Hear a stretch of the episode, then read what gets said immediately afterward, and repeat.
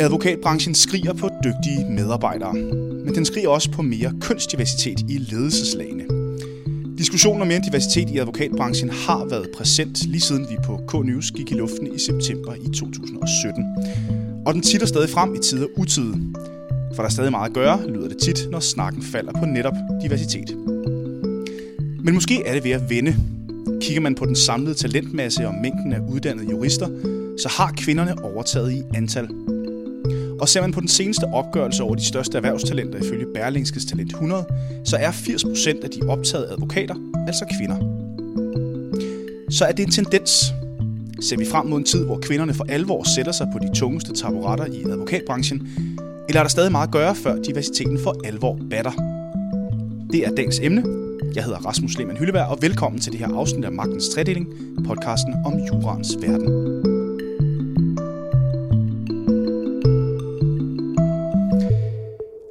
Og i dag er jeg flankeret af øh, hele fire ud af fem af øh, de repræsenterede talenter øh, i rådgiverbranchen på Berlingskes Talent 100-liste. Øh, først har jeg Josefine Movin, du er advokat hos Brunjejle. Så har jeg Karoline Bøjsen, du er advokat hos Gåsen Fæderspil.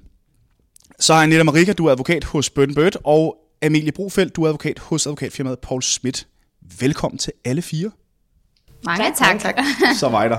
Øhm, jeg har jo inviteret jer i studiet, fordi at I fire kvinder repræsenterer fire ud af fem af de største erhvervstalenter inden for jura og rådgivning, i hvert fald ifølge Berlingskes Talent 100-liste.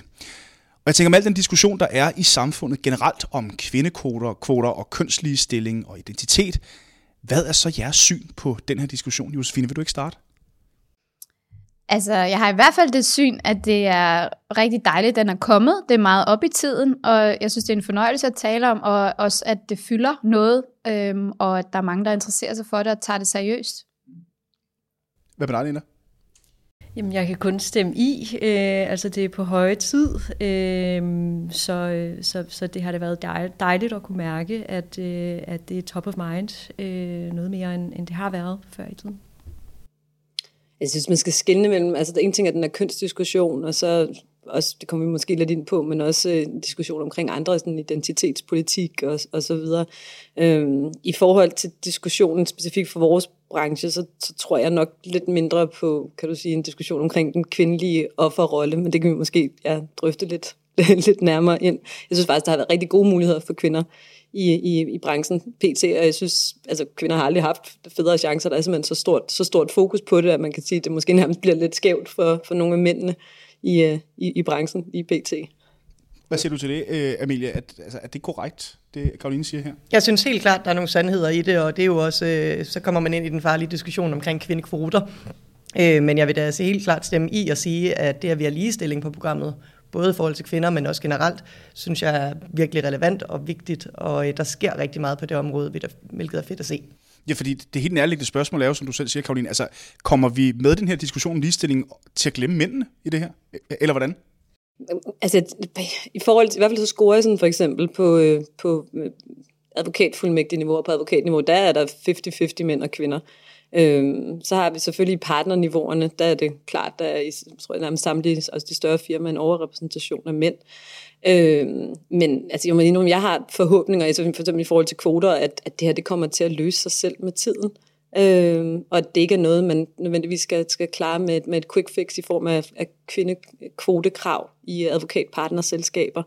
Øh, altså talentmassen er simpelthen så stor i, øh, i, i lagene, under, at jeg tror simpelthen, at det, det kommer langsomt til at regulere sig, allerede er i gang med at gøre det. Altså, der hvor jeg er ansat, der er der virkelig mange dygtige kvinder, der er blevet optaget som partner her i løbet af, af de sidste par år. Øhm. Så, som, så som kvindelige advokater, er den her diskussion omkring øh, kvoter forfejlet i jeres øjne, Nitter? Jeg ved ikke, om den er forfejlet. Altså, den, den er forfejlet øh, på, på den måde at forstå, at, at det ikke er nok. Altså, øh, man, man skal nok øh, sætte ind i forhold til at gøde jorden øh, inden, og, og sikre ikke bare, at, at der er nok øh, kvindelige advokater, men, men også at de når hele vejen til, til tops. Øh, og der synes jeg, der er nogle andre styringsmidler, der er, der er mere relevante at kigge ind i Så hvad for eksempel? kvoter. Jamen for eksempel, øh, det kommer vi sikkert meget mere ind på, men, men barsel, altså det er jo der, vi, øh, vi ser, at kæden hopper af for rigtig mange, øh, i forhold til at skulle komme tilbage fra øh, sådan en periode og også i forhold til, til fra arbejdsgivers side at kunne facilitere, at, at livet går op og ned, og også karrierelivet. Øh, altså det, det skal ikke være sådan, at man er dømt ude, fordi man i en periode øh, har haft et andet fokus, øh, hvad der er naturligt, at man så kan springe på øh, på et senere tidspunkt og ligesom komme kom med på, på øh, karrieretoget igen, øh, uden at, at, at blive dømt ude eller være øh, uambitiøs du du markeret, Josefine? Ja, jeg har også meget stærke holdninger til barsel, men hvis man skulle sige noget om det der med kønskvoter, som, øh, som vi lige talte om for lidt tid siden, så synes jeg, altså det man tit hører øh, fra dem, der er imod kvoter, er, at øh, det er ærgerligt for en kvinde at blive valgt øh, kun på grund af hendes køn. Øh, det skal være på grund af kvalifikationer. Øh, og der har jeg selv øh, den holdning, at... Øh, at hvis der er en kvinde eller to, der bliver valgt på, øh, på køn, så det vil ikke røre mig noget. Altså, der, øh, jeg tænker, at mænd er blevet valgt på grund af deres køn siden øh, verdens begyndelse, og hvis det så skulle ske et sted eller to, så tænker jeg, at det er så fint. Jeg tror ikke, det passer på advokatbranchen, og det, det har jeg en pointe med i forhold til, at øh, for at man kan tale om kvoter, så tror jeg, der skal være en god pulje under ledelseslagene. Så man kan ikke rigtig tale om, om kvoter, hvis man ikke har en god, robust ligesom mængde, du kan rekruttere fra, og det kræver nok også en, en, en vis størrelse på virksomheden. Øhm, så derfor tror jeg ikke, det passer. Der er jo mange sådan mellemstore advokathus og så videre, hvor jeg tror, udfordringen, som der også er blevet sagt, er simpelthen en helt anden. Det er fastholdelse af folk, så de når laget under partnerniveauet. Karoline, du havde også markeret. Jeg synes bare, det er interessant. Jeg har nemlig hørt fra, fra, fra nogle veninder i nogle andre brancher omkring det, at man ikke vil vælges på sit køn. Det, det, det synes jeg simpelthen som kvinder, man også skal have selvtid nok til at sige, at man bliver ikke valgt på grund af sit køn. Du bliver jo slet ikke taget i betragtning til sådan nogle poster, med mindre at du har den viden, altså den faglige ballast, den erfaring, der skal til. Er altså, man, man vælger jo ikke bare dekorationsfigur og går ned og spørger den første på gaden, hey, du ligner en kvinde, vil du ikke komme ind i bestyrelsen?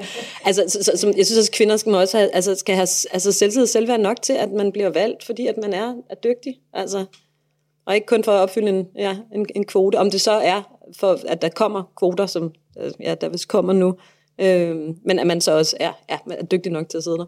Men når vi snakker øh, ligesning i advokatbranchen, og der bliver jo virkelig talt meget om det her, og det har der gjort i en overrække, som jeg også startede med at sige. Hvor bevidste er I så øh, om noget på, at I er kvinder i en branche, Amelie? Uh, det var et godt spørgsmål. Hvor meget jeg tænker over det til daglig, det, det gør jeg nok egentlig ikke. Øhm, jeg vil sige, jeg synes så, at det kommer, og det var, det var lidt i, i forlængelse af det, Josefine sagde, det her med, at der ikke er en stor nok pulje lige under partnerniveauet. Og på den måde kan man sige, øh, at jeg tænker over det, fordi hvad er fremtidsmulighederne i branchen? Og det synes jeg så, nu, øh, nu kan jeg mærke, at der er nogen, der har stærke holdninger om barsel. Det har jeg ikke som sådan selv endnu, fordi det har ikke været relevant for mig.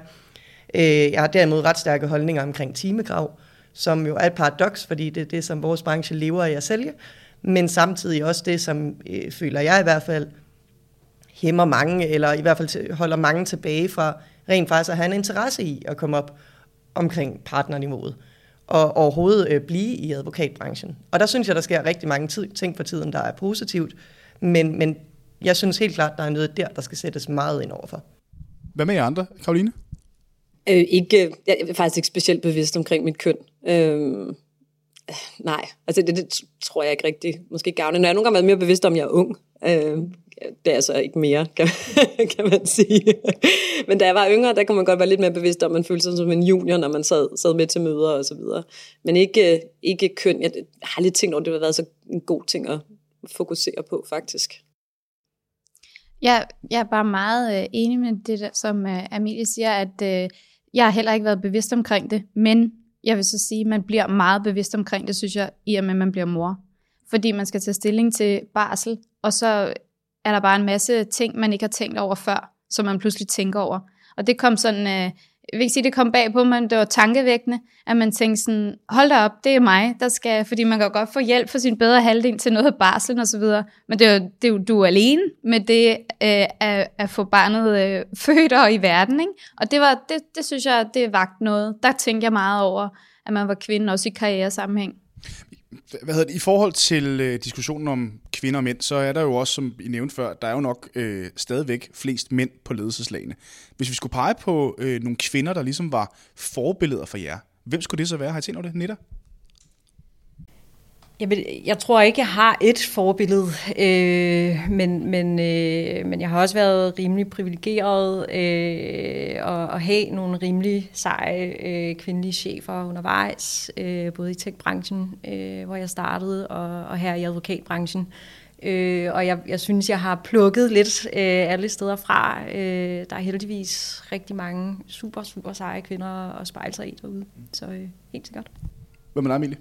Nej, jeg har heller ikke, øh, jeg har ikke sådan et fagligt fyrtårn, som jeg bare øh, kigger til og følger med i, hvad, hvad laver. Men jeg synes, øh, på den samme måde som Nita, jeg har haft nogle, nogle vildt seje chefer, og nogle chefer, der er, er gået rigtig meget op i, øh, i, at man også har et socialt liv og har en god balance, og som har været aktiv en del af at sørge for, at jeg også, især som fuldmægtig, øh, lærte ligesom at sige fra, og øh, rent faktisk også gik ind og aktivt tog fra, hvis de synes, at at nu skulle, der også, nu skulle der være en bedre balance i mit, øh, i mit liv. Og øh, det er noget, de selv går meget op i, og derfor følger jeg også dem, at de alligevel har kunne komme op på et partnerniveau, øh, synes jeg jo er, er inspirerende, fordi det er måske ikke noget historisk, der har været øh, lige så stor tendens til. Er det også noget, I andre ligesom har, altså, altså føler, der har været rum til, Karoline? Altså det her med at kunne sige fra, og det her med ligesom selv at være med til at, at definere sit eget arbejdsliv? Ja, ja, helt sikkert. Men jeg har også lidt holdninger til omkring det der med at sige fra. Der synes jeg igen også, at man, man har, man skal passe på, at man ikke selv ender i en offerrolle, hvor man arbejder, arbejder, arbejder og tænker, hvorfor opdager de det ikke og sørger for at tage noget væk fra mig? Igen, der skal, der skal man så også selv lære at sige til og sige fra. Øh, og det kan godt være, at der måske også er en, jeg ved ikke om der kan være en kønsforskel der, at, at mænd måske kan være bedre til det, og kvinder kan være ekstremt pligtopfyldende, øh, og, og bare blive ved til, øh, til, til de måske signer. Øh, igen, der synes jeg, man, man skal hanke op i sig selv og, og, og sige til, når det er for meget. Altså, man, det, er jo, man, det er jo kun utak, hvis man selv begynder at gå ned med, øh, med stress og, og sidder der med hjertebanken og, og koldsved. Men det er jo en super interessant diskussion, det der, fordi man kan sige, at øh, foretegnet diskussionen her, når vi hører det i medierne, når vi, øh, om det er i børsen, Berlingske, Advokatwatch, når vi hører på, at der er problemer med listing, der er problemer med den debiterbare time, vi presser medarbejderne, flere rapporter viser, at advokaterne er presset som folkefærd i forhold til stress og alt muligt andet. Altså, ligger der ikke også et ansvar hos den enkelte advokat her, Josefine?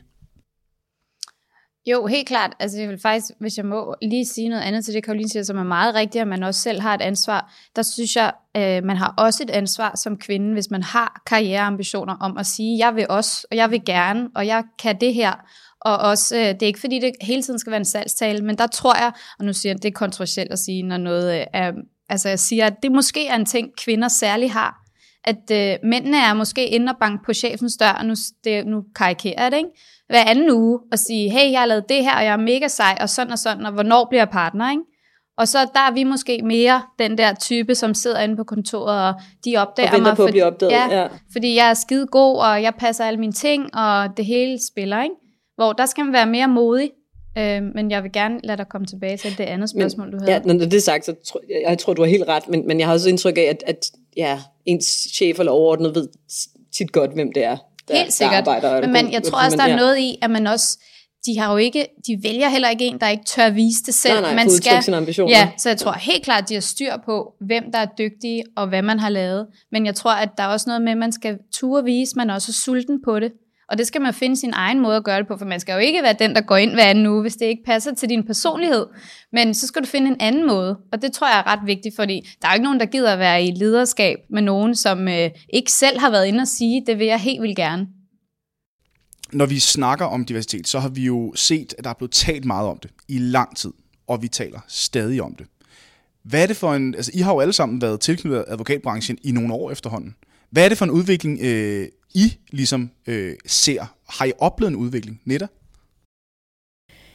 Jamen, jeg er jo nok øh, den dårligste af os at starte med, fordi jeg, jeg har haft øh, en, en mindre lige vej ind i, øh, i advokatbranchen. Øh, men, men jo, der har det helt sikkert været en, øh, et, et skifte, øh, når jeg bare har set det udefra. Øh, og, og også et skifte, der har gjort, at jeg selv har tur øh, søge ind den vej, øh, hvor det tidligere, da, da jeg gik på studiet, måske ikke tiltalte mig lige så meget. Øh, så, øh, så har der været et andet fokus på det i de senere år, som har gjort, at sådan en som mig tænkte, jamen det kunne da være sjovt at, at få den bestilling. Øh, og jeg tror øh, rent faktisk på, at jeg kan finde et sted, der, øh, der, der kan passe til mig. Øh, så, øh, så helt sikkert. Hvad med dig, Emilie? Jamen jeg vil sige, i forhold til den diskurs, der var omkring advokatbranchen på jurastudiet, øh, hvor der jo i hvert fald går nogle rygter om, at det er 70 timer om ugen, og du kan nærmest ikke have børn, og øh, der er en, der skal være hjemmegående af forældrene. Øh, så var det jo ikke sådan i forvejen. Jeg synes, øh, advokatbranchen var, da jeg kom ind i den. Men når det så er sagt, er der sket rigtig meget, og måske især inden for de seneste to år, om det er fået, fordi at covid faktisk også har hjulpet lidt, i hvert fald på fleksibilitetsfronten. Det er der, jeg ser, der sker rigtig meget, at der er en øget forståelse for, jamen, man kan godt arbejde på forskellige tider. Man kan godt gå klokken 16 for at hente sine børn, og måske logge på om aftenen. Øh, der bliver lavet deltidsordninger, 37 timers ordninger, som ikke har noget med, med debatterbare timer at gøre, men faktisk de erlagte timer. Og det er jo øh, et vildt positivt skridt på vejen. Og det jeg jo så bare lidt ønsker, det er, at det ikke bliver en, en sovepude, hvor øh, at man egentlig skal arbejde det samme antal timer, som man hele tiden har gjort. Det er jo så den ene side, øh, nu bare på forskellige tidspunkter af dagen, eller på den anden side, at dem, der kommer på de her ordninger, de rent faktisk bare ikke lige øh, bliver anset som partnerpotentiale.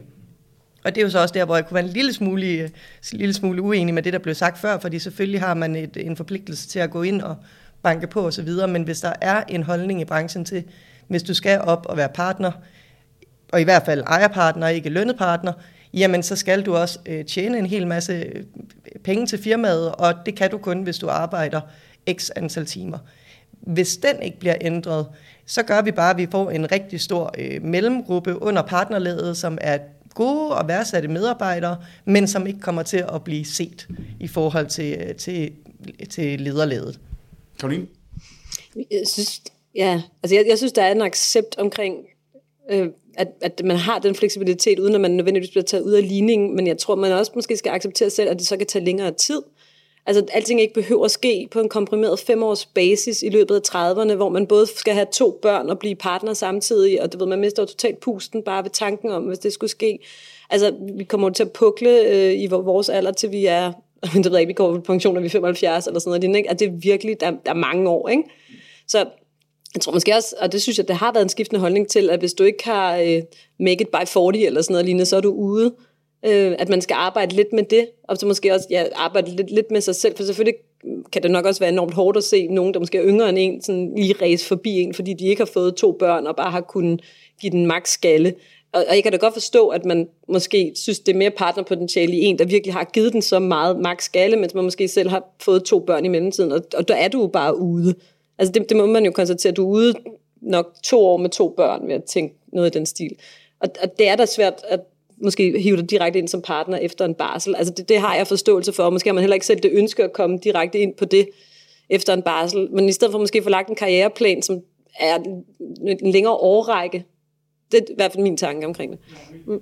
Jeg taler bare ikke om, om 37 timers øh, ordning på, at det, det er de næste 5 år eller 10 år, men faktisk at man vil have hele sit arbejdsliv, der er en god balance mellem, øh, nu siger jeg ikke 37 timer, det er bare noget, jeg hiver op af hatten, men, men det kunne være alle mulige timer, men at man ikke er interesseret i, heller ikke når børnene er, øh, er flyttet hjemmefra og så videre, eller hvis man overhovedet ikke får børn, at man ikke er interesseret i at arbejde så meget, som der traditionelt har, man har gjort i branchen. Mm. Josefine? Ja, det var bare det, der, øhm, der blev sagt fra Karoline også med barsel. Jeg tror, det er helt rigtigt, at der, der er sådan noget lidt nu prøver vi også at være lidt kontroversielle her, og tør at sige nogle ting og sådan noget, så jeg håber, det bliver modtaget vel, ikke? Men at øh, der er også lidt sådan en elefant i rummet med det her med barsel, synes jeg, at jeg synes nemlig, det er helt rigtigt, at hvis du vælger øh, som kvinde eller mand at holde rigtig lang barsel, der, et års barsel, lad os bare sige, øh, som eksempel, så, så synes jeg, det er nemlig helt rigtigt at gøre sig den tanke, at så, er det, så har du ligesom tilvalgt det, og så kan det godt være, at du ikke lige bliver partner i det år. Så skal du godt nok være meget heldig. Øhm, og det synes jeg er meget positivt at tænke den tanke. Omvendt synes jeg, at man, hvis man, man skal tale med sin partner i forbindelse med barsel om, hvor meget har vi lyst til at holde, hvordan har vi lyst til at dele det op. Og der synes jeg netop, at man skal ture, kigge på hinanden og, og tænke over, at hvis man vælger rigtig meget, så er det en belastning for den persons karriere, modsat den anden forældres. For det er noget, som jeg synes, man skal tage aktiv stilling til. At ja, selvfølgelig bliver din karriere belastet i den periode, du er væk. Og det er ikke, fordi jeg siger, altså, der er masser, jeg kender, der er blevet forfremmet under deres barsel og så videre. Men det er jo nok, fordi de så har oparbejdet noget for inden. Det er klart, at den periode, der er du væk. Ja, for virksomheden sidder vel, sidder vel ikke og venter på, at man kommer tilbage. Det, altså, det, altså, der er en udvikling i gang, også selvom man er på barsel. Der sker i hvert fald rigtig mange, for, håber man der for virksomheden, mens er vedkommende er væk, ikke også? Mm. Så øhm, altså der, hjemme hos os, der var det sådan, at vi... Øhm, jeg har jo sådan håb om, at barsel er noget, man deler lige som udgangspunkt, med mindre familien beslutter noget andet. Det vigtigste her er, at det skal være op til familien selvfølgelig at beslutte, hvad der fungerer bedst. Øhm, og vi, vi delte lige, og så er man jo altså forholdsvis hurtigt tilbage igen. Altså det var så fem, fem og en halv måned, og det synes det, der var ikke, der følte jeg ikke sådan, at der var sket alverden, altså da jeg kom tilbage. Så det er bare for at sige, det er også en model, man kan vælge. Ja, det er jo tilbage til, kan du sige, den der øh, klassiske saying med, at øh, det bedste karriereråd, det er at vælge den rigtige mand, ikke? Mm. som, gider, som gider at dele det der op med en. Øh, og det virker som om, det har, det har du fundet, må man sige. Men også bare lige for at vende tilbage til, at jeg, jeg har nok altid tænkt på, altså at komme op på partnerniveau, det, det kræver jo noget ekstra. Så jeg tror, det kan godt være, at det måske, men jeg tror simpelthen ikke, det er realistisk med en 37,5 timers arbejdsuge resten af livet, at du så bliver fremmed til det. Altså det er jo lidt et, det, det er et job, der, der kræver noget, og hvis du skal op på det her niveau, det, det kræver noget ekstra. Altså jeg tror også, man skal ville det. Jeg tror, jeg tror ikke, man kan ja, bare tage 37,5 timers arbejdsuge, øh, 9-4, og så, og så blive forfremmet, og det, det synes jeg egentlig også er forståeligt nok. Øhm, ja. Nita? Jeg vil bare gribe den øh, med, at man skal ture vælge den, eller man skal i hvert fald gå efter at vælge den, den rigtige mand. Jeg hørte det, øh, da jeg var student, øh, og blev enormt provokeret der øh, midt i 20'erne, fordi jeg tænkte, det der virkelig at sådan ligesom øh, frelægge øh, ansvaret øh, på, øh, på den her ene mand, men, men jeg vil sige, efterhånden som jeg er blevet ældre, så går det op for mig, hvor altså hvor rigtigt øh, et, et råd det er. Øh, det er altafgørende, og det er altafgørende, som, øh, som der også blev sagt herover, at, at at man har de diskussioner, om man tør gå ind i, jamen, hvad betyder det for hver vores, øh, vores karriere, hvordan vi øh, fordeler den her barsel, og så må man jo vælge det til, der passer til en, men i hvert fald gå ind i det med, med åbne øjne om, at det koster noget. Øh. Og Ja, der er så tilbage til, til, øh, til, til, til time til ugen. Øhm, fordi man kan ikke være partner, hvis man arbejder 37 timer. Det, det er nok helt korrekt, at det er sådan, der i dag. Det er måske den, jeg har lyst til at udfordre lidt, fordi hvordan kan man være chef i alle andre brancher, men hvis man, tæl, hvis man sælger timer, så kan man ikke. Men må, jeg, må, jeg, må jeg godt lige prøve at gribe den der, fordi... Øh... Jeg tror bare ikke, jeg, bare lige så, jeg, jeg tror bare ikke, hvis du kommer op på et, et elite-niveau i alle andre brancher, så tror jeg heller ikke nødvendigvis, du arbejder 37 timer. Altså hvis du kigger på chefer i, i andre virksomheder, jeg tror altså ikke, de har, de har strålet stille og roligt frem på 37 timer om ugen. Det er i hvert fald ikke det, man hører. Altså det er jo kun advokatbranchen, der arbejder super hårdt. Jamen, jeg, jamen det er helt okay, fordi jeg vil faktisk bare gerne spørge, fordi øh, vi ser alle de største advokatfirmaer, der har, præ, altså har øh, alle sammen præsenteret et, en, en fuldstændig vanvittig vækst, kæmpe overskud øh, i 2021, og det vil ikke, for, altså øh, med det må der vel også være en masse medarbejdere i de her virksomheder, som har øh, puklet, altså arbejdet som sindssyge, fordi man kommer vel ikke sovende til sådan en vækst, og man kommer vel ikke sovende til sådan et overskud. Så nu tænker I, I sidder alle, alle sammen her og siger, at øh, der er plads til fleksibilitet, der er plads til at, øh, og, øh, og at lave aftaler med arbejdsgiveren, øh, hvor man for eksempel kan arbejde 37 timer, eller 40 timer, eller noget flex og lignende, men øh, den her vækst må vel også komme på bekostning af noget. Hvad er jeres syn på det? Altså på bekostning af tænker du på? Jamen, jeg tænker, altså, der må vel være nogle medarbejdere, der har drevet den her vækst. Og det vil ja, altså, ikke... 2021 var jo altså, sindssygt år, særligt på, jeg arbejder i MRA, altså på MRA-markedet, der skete virkelig meget. Ikke? Og jo, det krævede, er, man kan ja. vel ikke få den vækst med 37 timer? Eller hvad? Nej, ikke hvis alle medarbejdere arbejder 37 timer, men for eksempel, da jeg var fuldmægtig yngre advokat og sådan noget, jeg synes også, det var fedt. Altså, der er der også noget, virkelig fedt ind at gå ind i et projekt og give det en super skalle, fordi du skal ikke være hjemme klokken 17 til aftensmad. Altså, altså der er også et eller andet, der er noget holder. Øh, altså, jeg kunne blive helt grebet af de der projekter. Og det kan jeg stadigvæk. Altså, det, jeg sidder og savner det nu, så jeg er nemlig på barsel, og det sidder og kribler i mig nogle gange, når jeg læser om nogle ting. Ikke? Øhm, så, så jeg synes også, altså, det synes jeg også, det er noget, det branchen kan. Altså, hvis man, hvis man finder glæde ved det, så altså, og ikke nødvendigvis skal betrive sin 8-16 stilling. Altså, så er der også noget fedt ved den der dynamik. Netop. helt enig i forhold til, til dynamikken og det at leve sig ind i øh, et projekt og, og det hold, der opstår omkring sådan et projekt. Jeg tror så også bare, det handler om, om balancen, ikke også? Altså, så du kan jo ikke, du kan selvfølgelig ikke i min optik forventer at blive chef på en 37 timers arbejdsuge, men du kan heller ikke køre på en 80 timers arbejdsuge øh, i flere år i streg, og så forvente, at det ikke koster noget. Så, så der skal være highs and lows, øh, og man skal også ture, når der er lows, og så øh, ligesom kunne, kunne, kunne være i det, øh, og give sig selv øh, den, den plads, øh, der opstår mm. derved. Josefine? Jeg er meget enig i det, der bliver sagt. Altså, jeg, øh, jeg synes også, at det skal jo heller ikke være sådan, det er jo fordi, nu har vi et emne op i dag om kvinder, øhm, og det synes jeg er enormt vigtigt, men det er jo, jeg synes ikke, det skal være sådan, så taler vi jo om alle mulige konkrete initiativer, fordi der er behov, fordi der, der mangler noget.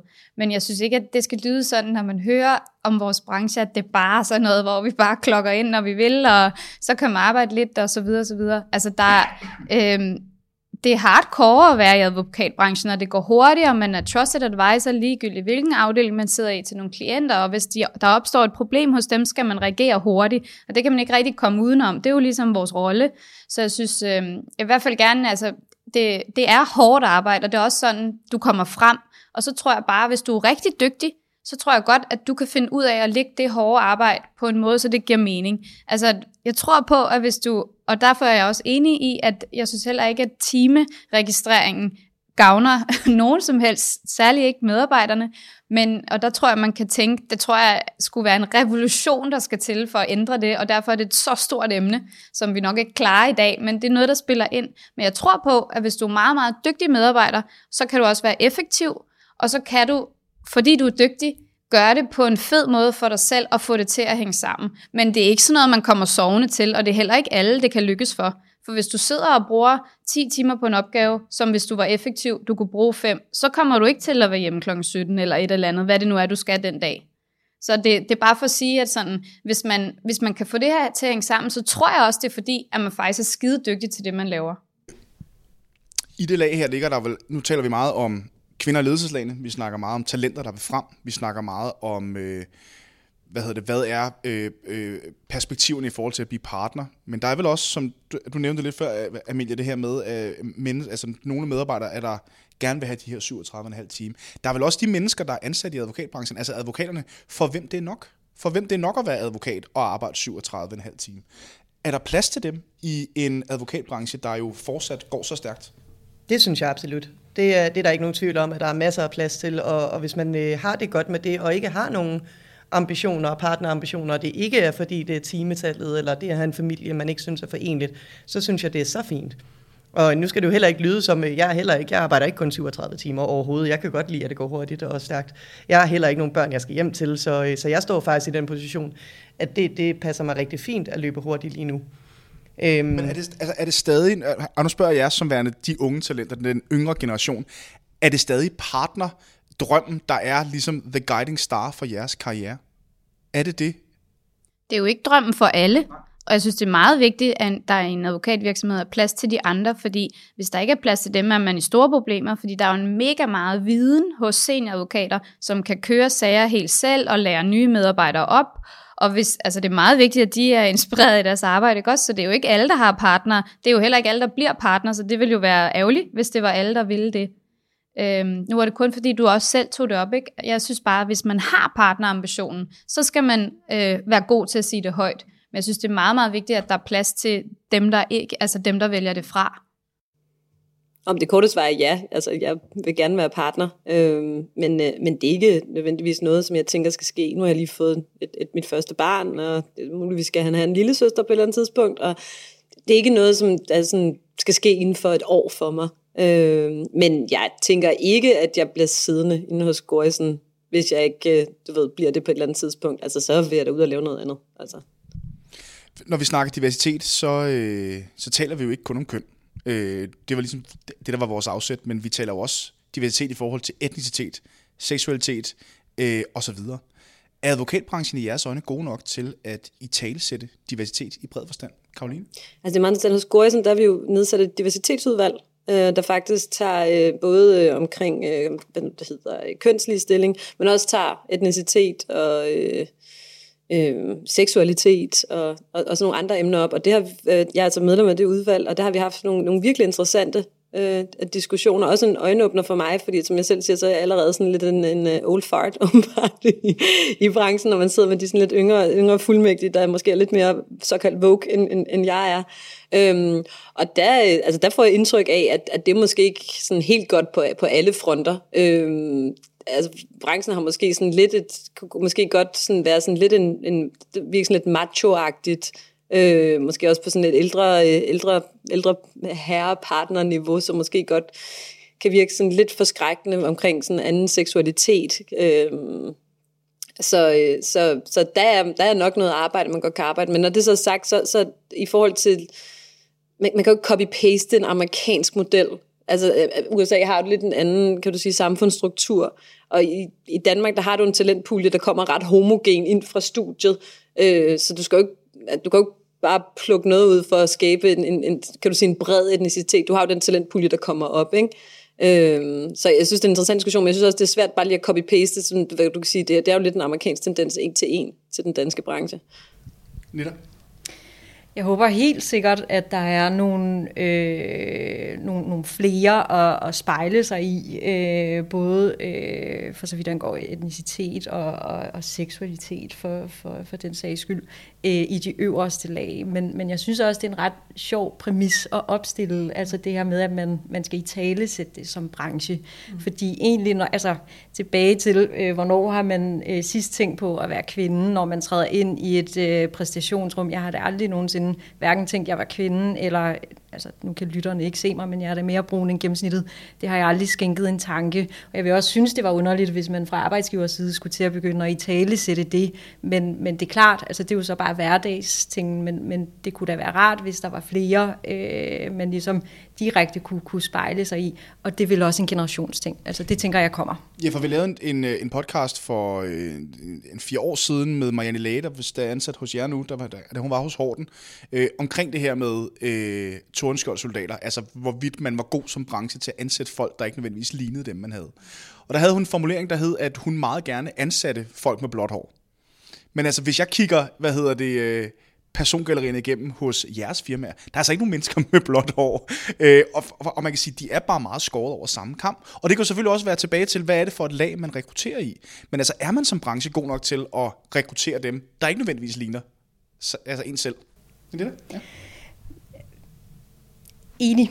Altså, der er ikke nok folk med blåt hår. Øh, men, men hvis det med blåt men, hår havde 12 i snit, jo, ja, så bliver de jo ansat. Det er jo lidt det, der er problemet. Altså, hvis du, hvis du er dygtig nok, så, eller ikke problemet, altså hvis du er dygtig nok, så bliver du ansat, så skinner man jo ikke til din hudfarve eller din seksualitet. Altså.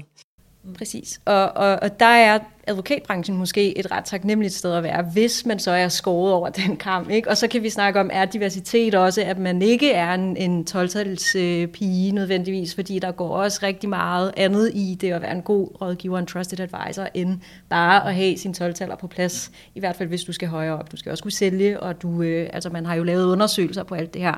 Øh, og, og kemi er en rigtig stor del af, hvem man vælger som advokat. Så, så der går rigtig mange flere ting i det at, at være en god advokat, som man måske ikke screener lige så meget efter. Emilie? Jamen, jeg synes, øh, det er sindssygt vigtigt. Jeg ved, jeg ved simpelthen ikke, om det er rigtigt, at, øh, at hvis, hvis at hvis, hvis vedkommende med blåt hår kommer med, med 12 at øh, personen så vil blive ansat. Jeg ved faktisk ikke, om det er korrekt. Det er min fornemmelse, det er det, men der må man nok spørge dem med blåt hår, om de rent faktisk mener, at de bliver ansat. øh, øh, jeg føler ikke, at det er et problem. Jeg føler heller ikke, at, der skal, at det skal talesættes, hvis ikke det er et problem. Men hvis der sidder en, nogle minoriteter, som, som føler, at de bliver fravalgt på grund af det, så er det klart noget, der skal tales om i branchen og gøres noget ved det er ikke mit, mit, øh, mit indtryk, at det er et problem på nuværende tidspunkt. Hvis vi skal tilbage til, øh, øh til kvinderne, øh, hvad, så, som jo er jer her, hvad, øh, hvad kan man gøre i jeres optik for at få flere kvinder øh, med, altså synligt med i, øh, i, øh, i toppen af branchen her, Josefine? Jeg tror, at øh, man nogle gange skal, øh, jeg tror, det kan være svært bare at lave nogle politikker, øh, som øh, man nogle gange også kan få hjælp ekstern til at lave måske. Det ved jeg ikke, om, om, om virksomhederne gør, men altså, jeg tror, at øh, i høj grad, at det kræver simpelthen, at man sætter sig ned og taler med medarbejderne, ser på, hvad for nogle medarbejdere har jeg, som, øh, som, som ligger øh, rigtig godt til, og, og øh, som vi tror på, og vi gerne vil fremme, og så simpelthen spørge dem helt basic, øh, hvad skal der til for at fastholde dig? Og jeg tror, at svarene kan være meget, meget forskellige. For jeg tror, det kan være fleksibilitet, og det kan være alt muligt andet. Øhm, og jeg tror også, at man nogle gange øh, får nogle svar, som er sådan ret easy fixes, måske, som man ikke var opmærksom på. Altså sådan, nå, men øh, så kan det være et eller andet med, altså sådan et eller andet helt basic, ikke? Med at... Øh, man, øh, man skal have mulighed for at arbejde hjemme en dag om ugen eller et eller andet, og det, og det er sikkert fint eller et eller andet. Ikke? Altså jeg tror, men det er noget med at sætte sig ned simpelthen, og så få taget de der interviews, som du vil med, eller touchpoint med de vigtigste medarbejdere, så du hele tiden er sikker på, at du har dem et sted, i hvert fald at du har en fornemmelse for, at hvad de gerne vil, og så tror jeg ikke, at det måske i lige så høj grad kommer som, som en overraskelse, når de vælger noget andet. For der tror jeg, at der kan det være svært at hive dem tilbage. Karoline? Jeg har faktisk ikke jeg så meget til for, altså jeg vil sige, jeg er enig, og jeg tror faktisk, at det du siger, det gør sig egentlig også gældende, at i hvert fald ser vi også score sådan hos de, hos de lidt yngre mænd, øhm, at, at, at de også øh, efterspørger, når de har fået et par børn, den samme fleksibilitet for eksempel, og øhm, ja, ja, muligheden for måske at kunne justere lidt på, på arbejdstid og gå lidt op og ned i karrieren, øh, så at sige. Så øh, ja, det er helt enig. Jamen, jeg tror også, der rent faktisk kommer til at ske en, øh, måske ikke en fuldstændig udligning øh, helt i toppen, men der kommer til at ske en udligning, fordi der også er flere mænd, der begynder at sætte de her grænser, og begynder at stille nogle krav, som, øh, som de traditionelt måske ikke har gjort. Og øh, det gør jo helt automatisk, at der, at der kommer en bedre fordeling og, øh, mellem, mellem kvinderne og mændene. Så det bliver, det bliver rigtig interessant. Vi ser, at vi på EU-niveau, øh, der har man jo stemt et forslag igennem, der skal sikre kønskvoter i bestyrelsen. Vi var lidt inde på det til at starte med. Øh, men jeg kan godt tænke mig at høre jer. Øh, altså, er det noget, I er tilhængere af? Josefine? Ja, jeg tror, jeg sagde det til at starte med, ikke? at jeg ikke... Øhm, jeg, jeg vil gerne erklære, jeg er ikke modstander af det i hvert fald. Altså, jeg tror, at det rummer mere, end man lige tror. Og jeg tror også, at, som der også blev sagt, at man er helt naiv at tro, at man kommer ind i en topbestyrelse, bare på sit køn alene. Øhm, men jeg tror, at, at som sagt, det ikke passer så godt på advokatfirmaer, fordi at øh, når man taler bestyrelse, så er der jo kvinder, Altså, jeg har selv en mor, der bliver ringet op rigtig ofte, fordi hun er meget dygtig erhvervskvinde, øhm, og, øhm, og de findes jo, ikke? De er selvfølgelig færre, end mændene er, men der tror jeg bare, at øh, det, kommer meget ind på, om du har en pulje, du kan ringe til, så kan det godt være, at det giver mening, og der, der jeg er ikke modstander, vil jeg sige. Nina, hvad med dig? Jeg er heller ikke modstander, øh, modstander af det, men, men igen, det er tilbage til også at sikre, at, øh, at den pulje så er der også på sigt. Øh, og, og igen, der, øh, der tror jeg ikke, det er nok med, med kvoter. Det, det er bestemt en del af det, men, øh, men ikke det hele billede. Jeg er ambivalent. Øh, jeg synes, der er rigtig gode argumenter øh, for og imod. Nu tror jeg også, at selv jeg omtalte det som en, et, et farligt emne til at starte med, og det mener jeg også, det er. Jeg er helt enig med Nita, hvis den rigtige pulje er der, Øhm, men, men faktisk, hvis den rigtige pulje er der, og vi alle sammen sidder og antager, at det er den, øh, så er der jo et problem, fordi så har vi jo, hvorfor, hvorfor kommer de så heller ikke op på interessant niveau, hvor der rent faktisk er et kæmpe, kæmpe gap? Øh, og det må man jo så kigge ind i, og, og hvis det vidderligt er, fordi at, at de bliver aktivt fravalgt, fordi de er kvinder, så kan vi måske begynde at tale om, at kvoter vil være et middel til målet. Øh, og det vil det måske blive nødt til at være i nogle brancher, hvor man rent faktisk aktivt fravælger kvinder. Jeg er heller ikke sikker på, at det, at, det, at det er det, der sker i advokatbranchen. Jeg tror, at der er mange andre grunde, og som vi har talt om i dag, med, med de, de vilkår, der er for arbejdstid og så videre, der har gjort det traditionelt. Og det, der kunne man jo så starte. Karoline, hvad siger du til det? Jeg er sådan set... Øh jeg, jeg er enig med, øh, med, med forslaget i forhold til, kan du sige, bør, nu kommer det til at gælde for børsnoterede virksomheder, fordi der er jo ikke rigtig sket noget på en hel del år, øh, hvis man kigger på, på C25-laget for eksempel. Øh, så det virker som lidt et nødvendigt skridt, og jeg synes, det har været super interessant at se debatten, og for eksempel... Øh, øh, hvordan folk også har skiftet holdning, også kvindelige ledere, øh, Sydbanks direktør osv., altså undervejs, fordi der bare ikke sker nok, så det, det tænker det er nødvendigt, men jeg synes ikke, modellen er egnet til som er enig med nogen her, altså er egnet til advokat øh, partnerselskabsstrukturerne øh, og overføre kvotesystemet til dem. Her til allersidst kunne jeg godt tænke mig at høre jer, øh, en af de største udfordringer, som rigtig mange advokatfirmaer øh, de nævner, øh, det handler om det her med øh, tiltrækning af talent, og det der med at holde på medarbejdere, særligt de yngre medarbejdere, som øh, flere steder, så får de en tre års advokatuddannelse, så er de der et år, og så smutter de videre til noget, der er øh, noget andet. Øhm, jeg kan godt tænke mig at høre jer, hvad skal man gøre som branche? Jeg ved godt, det er sådan et 100.000 kroner spørgsmål, fordi så havde alle nok gjort det, men altså i jeres øjne, hvad skal der til for at holde på de dygtige medarbejdere, og også de dygtige kvindelige medarbejdere? Nina, vil du starte? Det kan jeg godt. Øhm, jeg tror øh, igen, det handler om at ture gå ind i den samtale, vi også var inde, øh, inde på tidligere, øh, og ikke bare øh, tage de her touchpoints, men, men også gøre det kontinuerligt, øh, fordi det, det ændrer sig, øh, og, og det er ikke nok, at man tjekker ind til den årlige mus-samtale eller halvårs mus, men, men at man simpelthen tør gå ind i det rum, der hedder, øh, vi har en kontinuerlig samtale om øh, dit arbejdsliv, og hvordan det skal skrues sammen. Sådan så, øh, så, så betyder det, at man som branche er for dårlig til at tage de snakke her, eller hvad? Øh, man er i hvert fald dårlig til at, øh, at, at, at, at gøre det kontinuerligt. Ja, det synes jeg. Hvad er dit syn på det, Emilie? Det tror jeg er helt rigtigt, at man er for dårlig til at, at tale om øh, og at planlægge arbejdslivet, og måske var det også lidt i tråd med, hvad der blev sagt tidligere, hvis man ikke sidder med den partnerdrøm, og øhm, man så får den advokatbestilling, og nu har man været i gang i et år, så er der lidt stillstand, altså fra et sted, hvor man kom med først en masse studier, og så øh, to eksamener under advokatfuldmægtig perioden, så får man sin bestilling, det er fedt, og så er der stillstand. Fuldstændig. Øh, det, det, øh, og det tror jeg, der er rigtig mange, der føler den, så jeg tror helt klart, det er en af de ting, man kan gøre, det er at blive ved med at lægge nogle karriereveje og sætte nogle mål, og rent faktisk er der nogen, der også hjælper en med at følge op på det, så man ikke bare kommer og går hver eneste dag, og det er det samme, og det samme, og det samme, og det samme. Jeg vil sige, det jeg hører fra, det er jo meget interessant at høre, hvad I andre siger øh, er grunden til, at folk forlader øh, branchen, fordi mit indtryk øh, er i hvert fald, især når folk får børn, at det er der, de smutter. Og måske også af den grund, vi har tidligere talt om, både i forhold til barsel og også i forhold til timer. Så det tror jeg, der også, det er også der, man skal gribe ind. Øh, og det, det er der, man bliver nødt til at være bedre til at tilrettelægge ud fra de individuelle behov. Mm.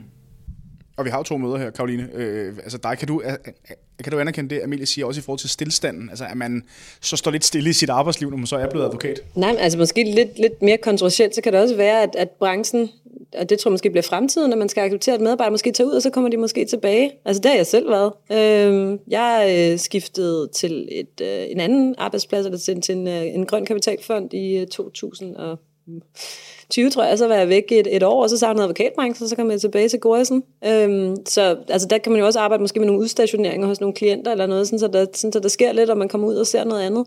Fordi det kan fuldstændig også forstå, at man har lysten til det, og prøve at se, øh, kan du sige, livet på den anden side af murene. Øhm, så der er også noget, man kan arbejde med, vil jeg sige, med, med, med udstationering, eller, eller også sørge for, at folk føler, at de sagtens kan komme tilbage, og man ikke brænder broer, fordi at man, øh, man tager ud og prøver noget andet. Så en periode. medarbejderne fri. free. Ja, nej, men, men, men, du ved, at man ikke, at man ikke tager det som en personlig fornærmelse, at folk vil, vil, vil prøve noget andet. Du ved, at det er sådan lidt the firm-agtig kultur. Øhm, det, det tror jeg også, man kan. Altså, det, det bliver måske fremtidens arbejdsmarked, at folk ikke er, er super altså, lojale og nødvendigvis skal have en 25 års jubilæumsknap, altså, men, øh, men arbejder lidt mere ja, frem og tilbage. Altså vi hørte, øh, jeg kan vi prøve at slutte med et citat så, ikke? det bliver meget harmonisk. Øh, vi hørte, vi var alle sammen til samme arrangement her sidste torsdag inde hos Berlingske, det var rigtigt, der var mange spændende indlæg, og der øh, ATP's øh, økonomidirektør sagde, at, øh, at det var også et kompliment til en virksomhed, hvis den havde været i stand til ligesom at opfostre et talent, som så fik en større stilling et andet sted. Og så er det jo også, øh, åbner jo også for, at det talent kan komme tilbage senere. Men det synes jeg er en meget god betragtning, at Øhm, hvis du har en medarbejder, der får et tilbud, der er for godt til at sige nej til, så synes jeg også, man skal bakke op. Og så, så sagde han også, at hvis det så er modsat af en medarbejder, der kommer og siger, at øh, man vil øh, noget andet, som er på niveau eller lavere niveau, øh, og det kan være på mange forskellige parametre, så synes jeg, at det giver anledning til en snak. Ikke? Fordi så skal man både have feedback øh, arbejdspladsen, og måske også øh, spørge medarbejderne, om medarbejderne er sikre. Ikke? Øh, så, men det synes jeg var et meget tankevækkende eksempel. Tusind tak til alle fire, Josefine Movin, Karoline Bøjsen, Netta Marik og Emilie Brofeldt, fordi I havde lyst til at tage snakken om kvinder og diversitet øh, og talent i advokatbranchen. Øh, Magtens Tredeling er produceret af K-News, og både K-News og Magtens Tredeling er produceret af Karno Group Danmark. Øh, du kan finde alle vores podcast via iTunes, eller hvor du ellers finder dine podcast, og så kan du altså læse mere på k-news.dk.